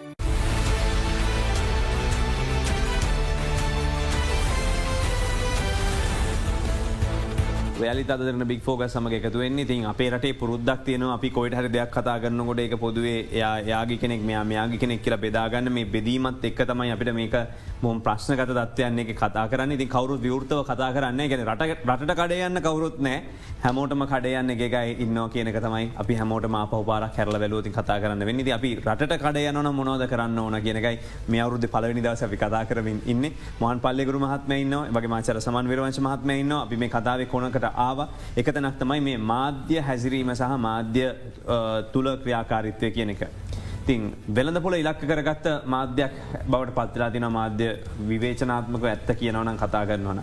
එතොට මේ තුළ තමයි ප්‍රෞත්ති නිර්මාණය කරන්නේ ප්‍රෞත්ති විදිර වාර්තා කරණයන් කරන්නේ ඒවා උස් පහත් කිරීම් කරන්නේ. මේක ප්‍රතිඵලය කොයි විදිහට සමාජයට සිද්ධ වෙලා තිබෙනවාද හොඳයි. දැන් චතුරමහත්ම අපි මේ මානව චර්යාව කියනක පොඩක් මනොවිද්‍යානකුල පැහැදිලි කර ගත්තොත් ඔබ දනු පරිගණකයකින් කරගන්න පුළන් වැඩතිරෙන වෙන්නේ පරිගණකය තුළ තියෙන මෘදුකාංග මතයි සොෆ්ටයා. එතන මනුෂ්‍යයගේ හැසිරීම මෙහෙවන සොෆ්ටයක තමයි සිතුවිලි කියන්නේ. ඒ සිතුවිලි නිර්මාණය වෙන්නේ තොරතුරුවලේ. ලංකාවේ තොරතුරු සපයන ප්‍රබලම අද දවස්සේ ක්‍රමවේදය තමයි ජනමාධ්‍ය. ඔබ හා දේශපාන විද්‍යාවද සිව්වන ආණ්ඩුව විදියට ජනමාධ්‍ය හැඳින්නුවට ජනමාධ්‍යයේ දියුණුවත් එක්ක මගේ අදහස දැන් ආණ්ඩුව කියන ජනමාධ්‍යය. ඒක යන්නේ ජනමාධ්‍ය හැසිරෙන්නේ යම් විදිකරද ඒ මත ආණ්ඩු වැටීම් නැගීම් හා රටේ පාලකයෝ හිතන විදිිය පව වෙනස් වෙනවා. එකන ජනමාධ්‍යයට පුළුවන් රටක් වෙනස් කරන්න. ජනමාධ්‍ය මුලින් තේරුම් ගන්න ඕනදේ තමයි මාළුවට ජීවත්වෙන්න දිය අවශ්‍යසේ ජනමාධ්‍යවට පවතින්න සරු ජනතාවක් අවශ්‍යයි. සරු ක්‍රයශක්තිය ඇති. ඒ කියන්නේ රටේ ජනතාවට ආයතනලින් බාණ්ඩ මිලදී ගැනීමේ ක්‍රයශක්තිය නැත්තාන් ආයතනවලට වෙළඳ ප්‍රචාරණය කරන්න සල්ලි නෑ. වෙළඳ ප්‍රචාරණය කරන සල්ලි නැත්තන් ජනමාධ්‍ය පවතින නෑ. ජනමාධ්‍ය පවතින එතනන්නේ. ඒ නිසා ජනමාධ්‍ය ඉස්සල හිතනවන ඔබ කිව්ව වගේ එක එක පක්ෂවලට හෝ එක පුද්ජලන්ට කඩයන එක නෙවෙයි. මම සරු දේශයක් නිර්මාණය කරන්න ජනමාධ්‍යවල්ල යොලින් කරපු කාර්යවාරය මොකක්ද. අපි උදේන්දර රෑ වෙනකාන් ගෑස් පෝලිං වල ඉන්න කට්ටිය පෙන්න්නනකොට පෙන්න්නනකොට මංහනු එක රටේ මිනිස්සුන්ට පෙන්න්න ඕන. පෙන්වම රටේ මිනිස්සු දැනට ඔබ හිතන ලංකාව ආපන ශලා කොච්චර හල දාලා තිරදම ප්‍රශ් නිසා. ඔය ගෑස් පෝලින් පෙන්න්නනට වඩා නරකද වෙන විකල්ප බලශක්තින් පාවිච්චි කරගෙන මේ වෙලා ව්‍යාපාර කරන මිනිස්සුට්ක ජනමාදලින් පෙන්වම ඔබ ගැනීමට නෑ කියලද ම බලගොඩින් දලා පෙරිදරත් ඒ රාත්‍රයේ ඒම ඉන්න වනේ. යාල වෙන ක්‍රම පාවිච්චි කල තමගේ ව්‍යාපාර කරන වනේ. මන් සීලු ජනමාදරට නොස් ගෑස් පෝලින් පෙන්න්න එක නතර කල මිත්‍රයා වෙන විකල්ප බලශක්තයෙන් පාවිච්චි කල මේ වෙලාව මිනිසු වැඩ කරන ටික පෙන්න්න පටන්ගන්න. වාලා උදේන්දල රෑවෙනකම් පෙන් නොන උද්ඝෝෂණ කරන අපිට පෝර දියව් කියලා කෑ ගහන මිනිස්සු. මේක ජනමාදලින් පෙන්වා මිනිසු ඔලුවලට එක ඇතුල් වෙනවා. ඊළඟට ඇත හද පිසරන්න මගේ අහිංසක ගොවිතාත් අර කෑන්න උත්සක නැවිල්ලා පොළොව ගහල පෙන් නොකොද මිනිස්වාසය මාදලින් තමගේ මුණ පෙන්න්න. පොරවල් වෙන්න. ඔයාල ඕක නතර කළ පෙන්ඩන්නකො මේ වෙලාවේ වෙන දේශය ක්‍රම පාවිච්චි කරලා වගා කරගෙන අඩුගන තමුන්ගේ පවුල රැකගන්න වැඩ කරන දෛරවන්ත මිනිස්සු උදේදල රෑවෙනකම් පෙන්න්නන්නකෝ එතුර මේ මුළු රට වෙනස් වෙනවා. ඔබ උදේන්දල රෑවෙනකං දේශපාලච්චෝ කෑ ගහගන්න ඒවා විවේචනය කරගන්නවා බැන ගන්නවා උද්ඝෝෂණය කනවා පෙන්වම මිනිසුන්ට රට එපා වෙනවා. මිනිසු හිතන මෙහම රටකද ජීවත්තේනේ. එතොට මිනිස්වර නෙගටව් ෆිලින් එක ඇක්ටිවේට් කරගෙන හයිෝ වෙච්ච වැඩක් එක ජීවත්වෙනවා. එතර මේරට මිනි සපද කියලාහන්න පද කියලාහන පටගන මහනු මේරට මිනිසු සීලු දෙෙන ඇතෑරලාද. නෑ මේ සියලු ප්‍රශ්නාසේ උත්තර හොයාගෙන තමුන්ගේ ව්‍යාපාර රැකගෙන තමුන්ගේ කාරමණ්ඩලට පඩිගෙවාගෙන බෝනස් ගෙවපු. ප්‍රසාද දීමනා දීප ව්‍යාපාරිකව මේට ඉන්නව චතුර මහත්ම කෞදනය කියනම නම්ගම් එක කියන්න වැටු වැඩිකර පාතන මේට ති ඔක්කොම වැටිල නෑ. විනාස වෙල නැහැ. එනිසා මංගොබට කියන්නේ ජනමාධ්‍ය විදියට අර රිනාත්මක ප්‍රවෘත්ති උදේන්දලා රෑවෙනකම් පෙන්න්න එක නතර කරලා මේ නැගෙන තැන් ගොඩ නැගෙන තැන් නිවැරදි වෙන තැන් විකල්ප සොයාගන තැන් මේ තමයි පෙන්න්න ඕන. එතට ආණ්ඩුවට කඩේ ගිය කියල චෝදනාවක් දැන් ඔබට එල්ලවන කරන්නද මොක දැම නෙගටව් මාර්කටිං තමයි හැමතිස්සම කරන්න උත්සාහ කරන්නේ. නෑ අපි දැතට ජනමාධ්‍යවේදීකින් ඕක ඇවෝදින් කිය හිට දවසේ නෑදැම් මේ රටේ තියෙන තත්ව මිනිස්සු දැනගන්න පැ අපි මේවා කියන්න පැ මේ මිනිස්සුන්ට මේ හංගන්න බෑනේ. දැන් ඒගොල්ලන්ගේ පැත්තෙන් ඒගොල ගෙන තරකයෝගන අපි රිපෝට් කරන්න ඕගොල්ල තීරණය කරන්න කියල කරලා අපි රිපෝට් කරනොමක. තොරතුරු ලබාදීමේදී චතුරමහත්ම අපි තිරණය කරන්න ඕන මේ තොරතුරුවලින් මොන තොරතුද මහජනතාව දැනගත යුත්තේ කවර ප්‍රමාණයට දැනගත යුත්තේ. මං මේක වෛද්‍ය විද්‍යාවෙන් අහන්න. යම් කිසි රෝගියකුට බරපතල රෝගයක් තියෙන යා තම සතියකට වඩා ජීවත්වවෙන්නේ නෑ කියල පිහිතම වෛද්‍යර මේක කියන්නේ රෝගයාටද රෝගයාගේ භාරකරුවන්ටද. රෝගයට කිවොත් මොකක්ද වෙන්නේ රෝගය ඊටත් කලින් ජීවිත අතාරනවා. එක මේ යන සම්බයිතා වැඩි වෙනවා. අපි මේක ප්‍රදුදාහනකතර ගත්තොත් මගේ අදහස ලංකාවේ කොරෝනාවලට මිනිස්සු බයකරපු ප්‍රමාණයයි පෙන්න්නපු ප්‍රමාණය වැඩි. නිකං හරිට ක්‍රිකට වල හරි මොහක හරි නැත චන්ද්‍රපති පල දෙනවාගේ පැයින් පැය බ්‍රේකින් නිියස් ගහ ගහ ගහ ගහ ගම එක පෙන්න්න පටන් ගත්තා. ඔබ දන්නවද මනෝවිද්‍යය ඔප්පු කල්ල තියෙනවා? මරණුපාතය වැඩි වෙනවා. උදාහනකද ඇල්ෆඩ් බැන්දුර ඇමරිකාව පර්ේෂණයක් කරලා තියෙනවා. සමාජ විද්‍යාත්තයෙක් සියදවී හානිකර ගැනීමක් වාර්තා කරාම ක්‍රමයත් එක්ක එතනින් හට සියදවී හානිකර ගැනීමේ ප්‍රවණතාව වැඩි වෙනවා කියලා. එකට කෙන ආකෘතිගතවීම කියලා. එක අපි පෙන්න්නන්නේ කුමක්ද? ඒ රැල්ල බෝඩ පත්වන හරි අපේ උදාහරම ගම්මකෝ ඩොක්ට කියපු ද පෙරේද දරුවක් ලිදර පයිනවා කියලවෙල්ලා මාධ්‍යකුගෙන් පෙන්වා අද දෙරන ඇතුළවා. ජීවිත හානිකරගත. එද මේ ඔබ කියන්නේ මේවත් එක්ක අනිවාරයම මේක පෙන්වීම කිරීම තුළින් හමක වර්ධනයක් වෙන වර්ධනය වෙනවා. අපි පොසිටව් උදාහරණයක් ගමු. ඔබතුමල්ලා තාපවල පින්තුරදින ඩොක්ට බුදාන කොල්ලො කෙල්ල පෙන්නුවම මුණු රටේම කොල්ලො කෙල්ල ඇත ගිරාදුර කොටන කොල්ලො කෙල්ල අඳන පටන්ගත නැද අනිවාරම එකතම රැල්ල. අර කුබර පුරන් කුමරු අස්වදන තරුණයෝටික තව දුරටත් පෙන්න්නගෙන ගියානන් මේ රටේ හැම කුමරක්ම සොදනවා. එකතම රැල්ල. එකන රටා දියුණුවෙන් කරුණු තුනයි තියෙන. මිනිස් වෙනස් කරද පලනික ඩිසාය කියල කියන ජවය ඕනකම උනන්දු හදන්න ඕනේ එක රැල්ල හදන්න ඕනේ දෙක ගෝල් සෙට් කරන්න ඕන ඉලක්ක දෙන්න ඕන තුන ක්‍රමවේදි ස්ටර්ජීස් මේ තුනතම ඕනේ දෙමන් මගේ මගේට මඟ හනෝ දැ රට ජනත උනන්දු ඉදන්නේ. නැන් බොහොම ඇල් මැරිලා වැඩක් නෑ කැඳත් නෑ. තරුණයෝ කියන ලොවෙත් නෑ කිය රටයන් ඉන්න පෝලිමට කියල වාල යනවද? ඇයි යන්නේ? රට එපාවිලද කියලම ඇහුවම අර කොල්ල වෙන මොනව කියන්නද?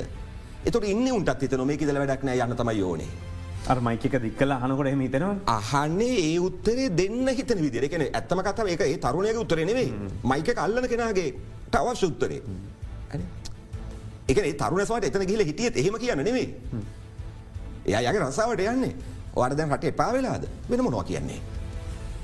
කාටද මයික කල්ලන්නේ. ඒක ප්‍රධාන මාධ්‍ය ජාලය පින්නන්න ඕනද. ඒක රටේ හැම මනුසෙක්ම දැනගන්න ඕනද. ඒ මොකද ප්‍රෘති වාරණය කියන්නේ. සීලු තුරතුර මිනිසු දැනගන්න ඕනද දහරි දැනගෙන මොකද වෙන්න දැ මොකද පිකර දැන් හරි මාද නිදහස සේරම පෙන්න්නල දැන් කරලා තියන මොකද කරලා තියන කෙනකොමද මංකොලොත් මංකොල රටක් තියෙන්නේ. මිනිස්සු හැපිනස් හැපිනස් නැති රටක් නෙමිනි Happiness. දෙනම ප්‍රශ්කින් ජීවත්තෙන් රටක් නවරු හැත්ත ඇමති හැපිනස් ඉන්ඩිකේෂන එක ගත්තොත් අපි අන්තිමන්නේ. ඉති එහෙනම් දැන්හරි අපි මේ කරපු දෙවගෙන හිතන්න ඕනනේ මේක නෙවේ ක්‍රමය කියලා. අපි අතීතරයමුකෝ. ඉස්සර උදෑසන රේඩියෝක රූපවාහනය දැම මොන දැහුණේ ඩොක්ට චන්දනක වගේ ලස්සන සිින්දු නේ අවදිවන්න අවදිවන්න දී ටිමත් දිනක උදා වෙලා තිනකට හිතන් ගොන හැගේ පිණි බරයාම සැවලන් සිින්දු දැන් උදේ පන්දර හිනුවනවාද හදිස්යනතුරකින් මෙච්චර මලා කළ මැරිච්ච විදිත් පෙන්න්නනවා. ගෑස් පෝලිටික පෙන්න්නනවා. උද්ගෝසන ටික පෙන්න්නනවා. ඔබ තනතොට ජාතියක් නැගිටී කියලා නැගිටින් නෑ. මේ රටේ මාධ්‍ය මේ වැටීමේ වගකීමෙන් බරපතල කොටස භාර්ගත යුතුයි. මන මේ අපවරක් තින් අපි මේ පත්තරල එත උදේ තියනය තොරතුර වර්තකන මේකත් අවුද පත්තරේ ගත්තයන් පස උදේ පාන්දර මට පොසිටිය නිසකින් වැඩසටහන පටන්ගන්න බෑත්තන පත්තරයකම තියන්නේ හෙම තින් අපි තොරතුර වාර්තා කරත් දරන කියල වාර්තා කරත් වාර්තාකන්ති ඒවගේම තොරතුරු සමුදාය.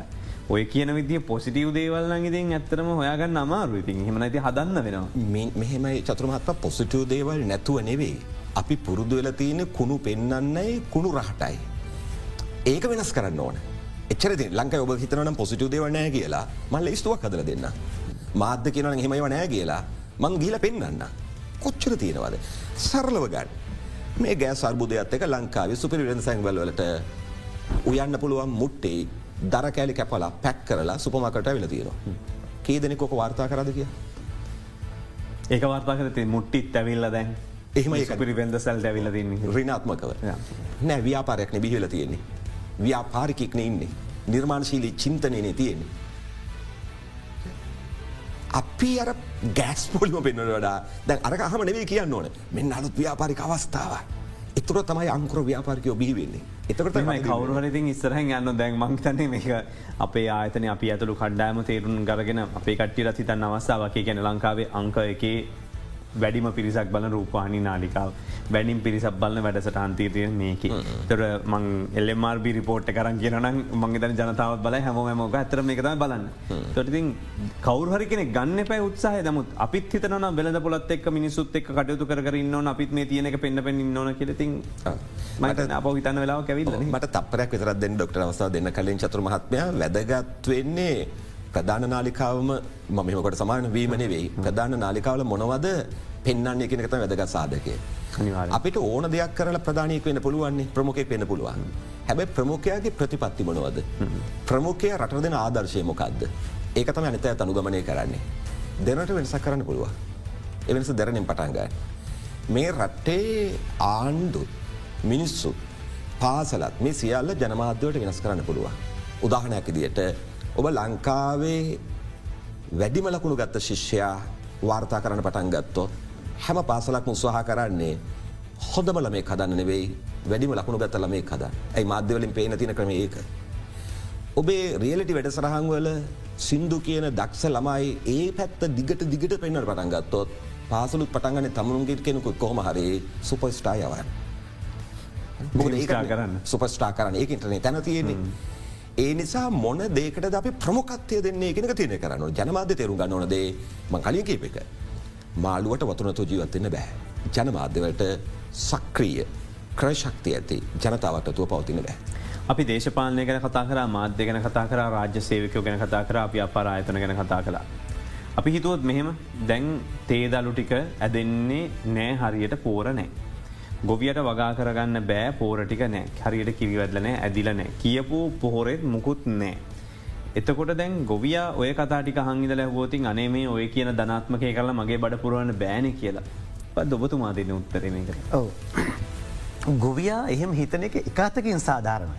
මොකද ගොවියත් මනුෂ්‍යයෙක්නේ ගොවියට දැනෙන හදගැහෙන රාවය අපිට දැනෙනව නම් සහකම්පනය කියල අපිකට කියන. මේ සහකම්පනය තුළ අපිට දැනෙන් ඕනේ මේ ගොවයා කියන කියන අපි හැමෝම ගොවිය වෙන්න පුළුවන්න. අපි හැමෝම ගොවිය වෙන්න පිළ උදාහරණයක් වශයෙන් කියනනම් දැන් තුන්ෙන්ද තුන්ෙන්ද වෙනකොට පාසල් පටන් ගන්න. මේ පාසල් පටන් ගන්නකොට ගොවි පවුල්ලොල කොච්චර ළමයි පාසල් දෙනවද. ඒ පාසල් ළමයි ගොවීක් වශයෙන්ද අපි දැ මේ දවස්සල මත් ගොවියෙක් අපේ ගෙදර. මොකද මත් වගා කරන යම් යම් දේවල් වගා කරලා මොකද මට දැනෙනවා දැ මත් ගොවියෙකුණොත් කොච්චර සතුටක් ලබන්න පුළුවන්ද කියලා. අන්න ඒ වගේ ගොවි ආර්ථකයක් කුෂි ආර්ථකයක් බලු රට තුළම ව්‍යාප්ත කරන්න අපිට හොඳ අවස්ථාවක් මේ පාසල ආරම්භ කරන අවස්ථාව. වියසායකත්වය පිළිබඳව ඒ වගේම කුෂිකාර්මය පිළිබඳව පුංචි දරුවන්ට පුංචි කාලිදම්ම හැඟීමක් දෙනවනම්. මේ හැඟීම කියන දේ ගොවියට පමණක් නොවේ. ශ්‍රී ලාංකික හැම ජනතාවටම හැම මනුෂ්‍යයටම මේ හැඟීම එන්න ඕනේ අර අපි කුෂි ආර්ථිකයක් මත තමයි අපේ ආර්ථිකය ගොඩන ගන්න ඕන කියන එක. ඒ ඒ හැගේම දුන්න ගමම් ගොවියටත් දැනෙනවා අපිත් එක ගොඩක් අය ඉන්නවා. ප්‍රාදේශය ලේකම්තුමාට ලොකු වගකීමක් තියෙනවා මේ වගේ වාතාවරණයක් කොට මම දන්න හැටියට වර්තමාන අයවයෙන් විශාල මුදලක් වැය කල්ලා තියෙන වෙන් කරලා තියෙනවා ගම ආර්ථිකය ගොඩනගන්න. මේ ගම ආර්ථිකය ගොඩනගන්න නම් මේ ප්‍රාදේශ ලේකම්තුමා ග්‍රාමසේවක සමුදනධාරිතුමා විවිධ නිලතර තියෙන බොහෝ නිලධාරීන් ප්‍රාදේශ සභාව තුළ ඒ වගේම ප්‍රාදේශ ලේකම් කාර්යාල තුළ රොක් වෙලා ඉන්නවා. මේ අයට නිවරදි මගපෙවනීමක් නිවරදි නායකත්වයක් දෙනවනම්. මේ ගොවියා රජෙක් කරන කර අපි අපිට අපහසු නෑ චතුට. මේ ගොවියා තුළ තියෙන ශක්තිය දැවන්ත ශක්තිය උපයෝගි කරගෙන. ඔහුගේ සිතුම් පැතුම් මොලට අපිත් සහයෝගයක් දෙනවන.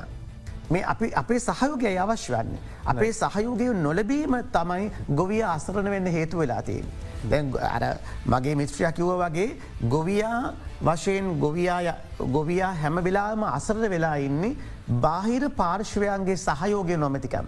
තමන්ගේ කුෂ්‍යාර්ථිකය විකුණගන්න ඒ වගේ මේ අලවිය ඒ සඳහා ගබඩා කරන පහසුකම් යටතල පහසුකම් මේව සපයන්න පුළුවන් අලුත් ව්‍යාපෘති යටතේ අපිට ඕන තරම් පුළුවන්. ගොවි ආර්ථිකයක් නගා සිට වන දැන් සතොසිම් පවා අපිට මේ ගොවියව නංගන්න පුළුවන් හැකියාව තියෙන අලුත් ක්‍රමය යටත. මට දෙන්න මොහතක් අපි කෙටි විරාමිකට යලිත් යොම වෙලාන්න මේ අද Derana big focus.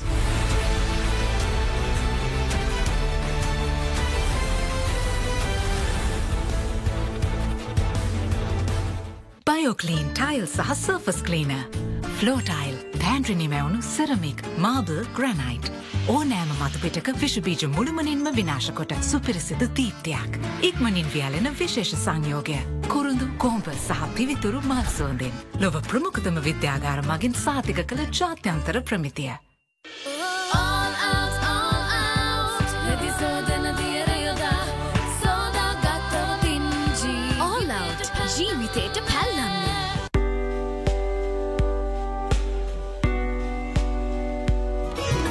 පීපොල් දැන් අලුත් වෙලා ඩාලි බට්ල වෙතෙන් දිස්න දෙන්න සූදන්න.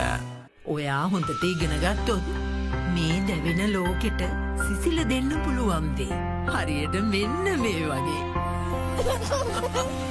මය පුතා හොඳ දිගෙන ගත්තම් පුතාට පුළුවන් සියයට සීයක් පිරිපුන් කෙනෙක් වෙන්න. කෝමාරිකා සිලති බබල් එන්සයිම ත්‍රිත්වයකින් පිරිසිදු කර ප්‍රෝයිට් මගින් සුදු ඇඳුම් සුසුදු කරයි. ඇන්ටරේ ඩිපසිෂන් ඉවත්වන කුණු යලි නොගන්නේ රෝස සුවඳ බබල් මෞදෑතට සිනහසි. ඔයා ගුණ හපත් ළමෙක්කුණාම ඔයාගේ සුවඳ උඩුසලඟටත් හමාවී.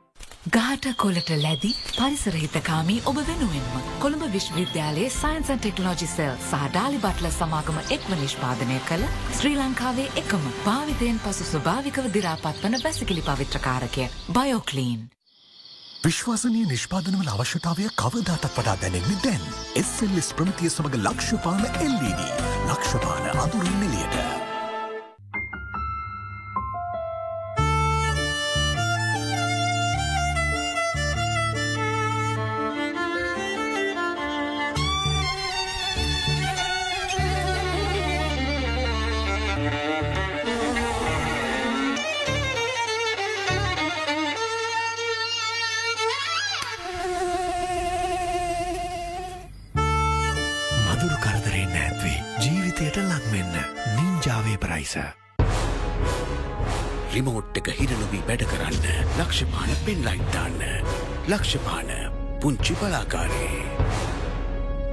Welcome to Havelock City, home to 18 acres of space at the heart of Colombo. Contact 0772 505 100.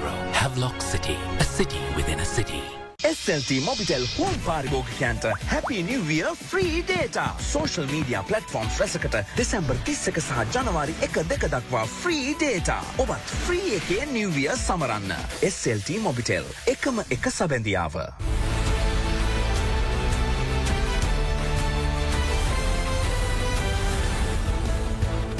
වැලි අදරන බික් ෆෝගස් සමඟ අද පලවෙනියටම මේ අවස්ථාව එහෙම නැත්තම් මේ අවුරුද්ධ පලවෙනි දවසේ අපි කොමද හිතන්න ඕන කියලා හිතාගතිරින් මට විවේචනයක් වුණා. රට විවේචනයක් තියනවා තිස් පාලක්ඥන තිනවා මාදට තිනවා මොටම තියනවා අපි අප විවේචනය කරගෙන පිස්සරහට යන්න ඕන මේ අවුද්ධවත් නැතන් ඉස්සරහට අපිට මේ රටක් නැතිවෙන අපි ජීවත්තන කාලේ අවුරදු ගනම් බලගන්න නොති. දැන් ආර්ථික ක්‍රියාකාරකම් හතලි සටක් එක්ක තමයි මේ රටේ ප්‍රධාන ආර්ථික ක්‍රියාකාරකම් හතලි සටක් එක තමයි මේ සියල්ල හැසිරුවෙන් අපේ ජාතික නිෂ්පාදනය ගොඩ නැගෙන්නේ.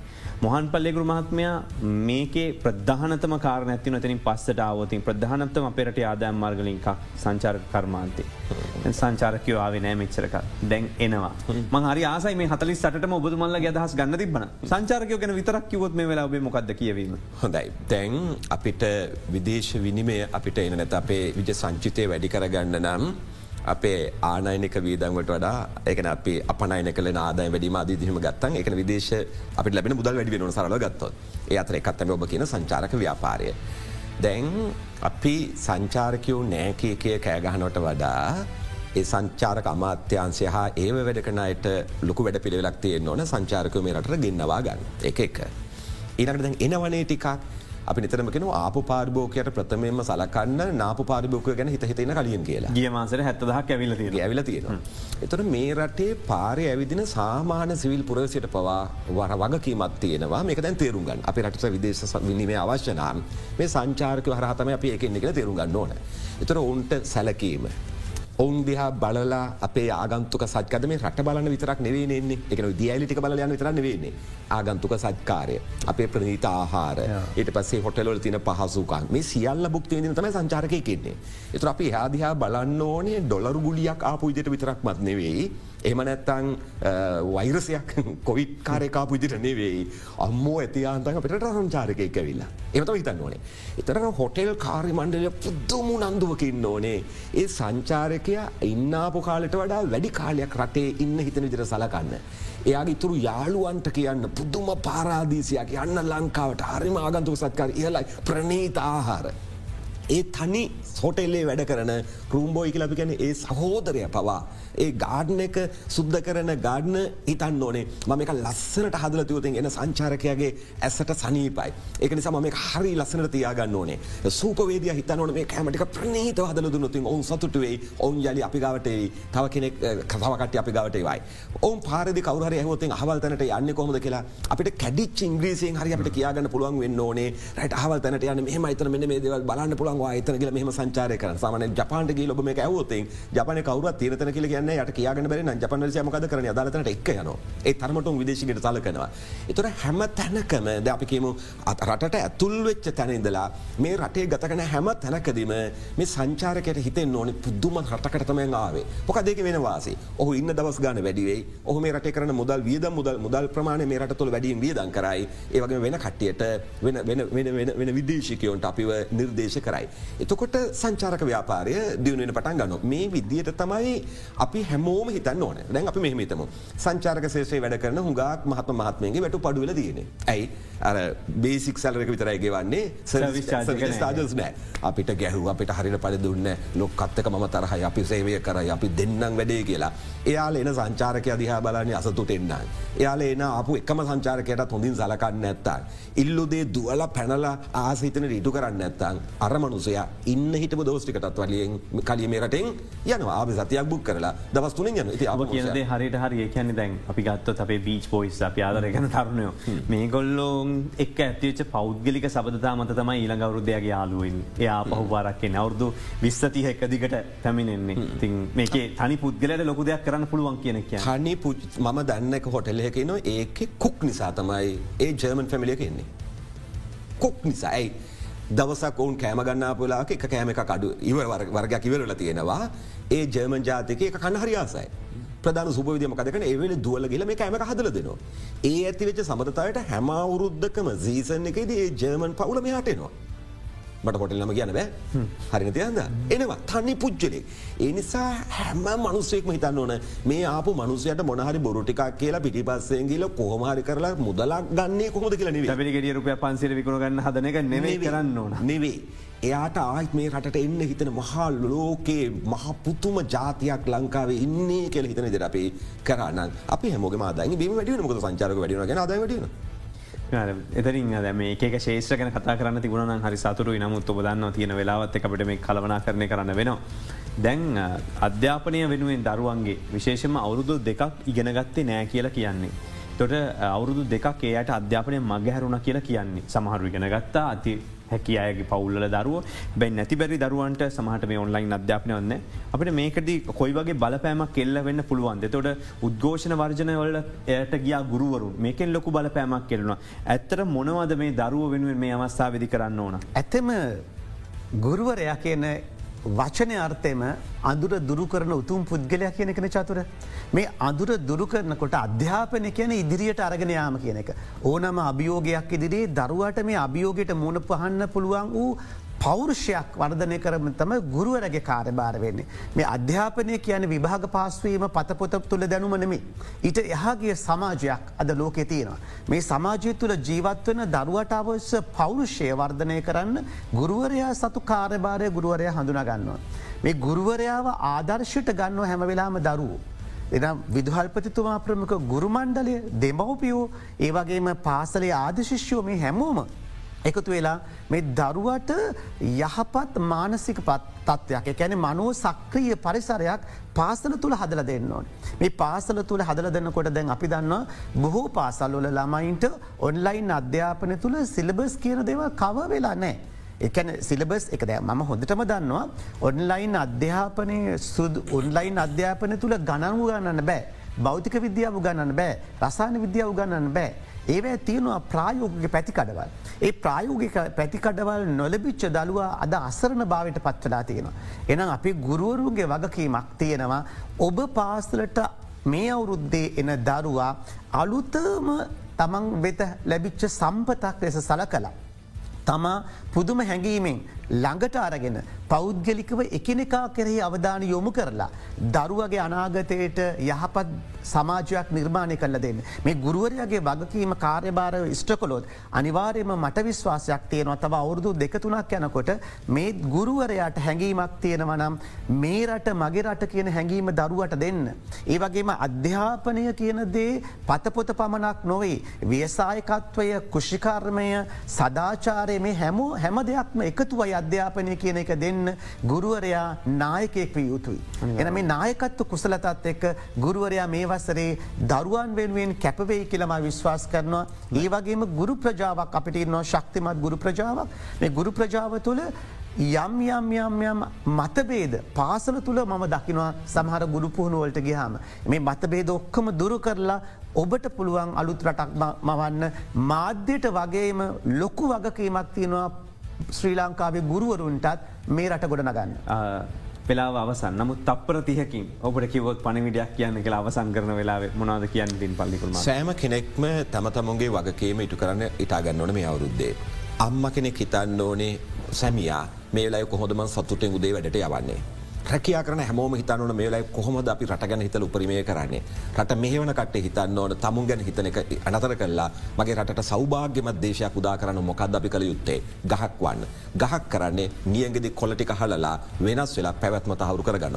අපි කවරත් බලාපොරොත්තු නැති කරගන්න ඕනෑ බලාපොරොත්තු තියාගෙන අප වෙනින් වැඩ කරන්න පටන්ගම්මු අපිට සුභවාද අනාගතයක් නිර්මාණය කරගන්න පුළුවන්. මහිතන සිංගපූරුව ගැන අපි හැම උදම්මන් ලැවේ ලික්වන්නු කියන්නෙත් ඒකම තමයි. ගොවියෝ ගොවියන්ගේ වැඩ කොටස කරයි. ෘතික ෘතිකයන් වැඩ කොටස කරයි වයිදුර වෛදරුන්ගේ කොටස කරයි මගේ වැඩේ කරන දේශපාලක්ෂ දේශපාලක්ඥෙන් වැඩේ කරයි. වැඩිපුරෝනෙත්න හරියට කරොත් මංහිදන්න රට ඉක්මටම දියුණුවේ අපිත් එක් අද සම්බන්ධ උනේ අපේ ආරාධනය පිළිගෙන මේ අවස්ථාවට ප්‍රවීණ මනෝ විශ්ලේෂක වරල ජීව විද්‍යාඥ ආචාරය සමන් විරවංශ මහත්ම බොහම ස්තුතියෝබට ඒවගේම අපිත් එක්ක එකතුනා අද මානව හැකයා සංවර්ධන පුහුණු උපදේශක සහ මනෝ විද්‍යාදේශක මොහන් පල්ලියගුරු මහත්මය. බොහම ස්තුතියෝබට අලුත් අවුරුද්දක් අලුත් බලාපොරොත්තුවක් මෙතනින් නැරබෙන දවස්තුන්සිය හට පහ අලුත් බලාපොරොත්තුව එක ජීවත්වමු පුළුවන් අපිට වැටෙන්න අපි කියලා හිතමු. අපි නිමා කරන්න අදරන බික් ෆෝකස්.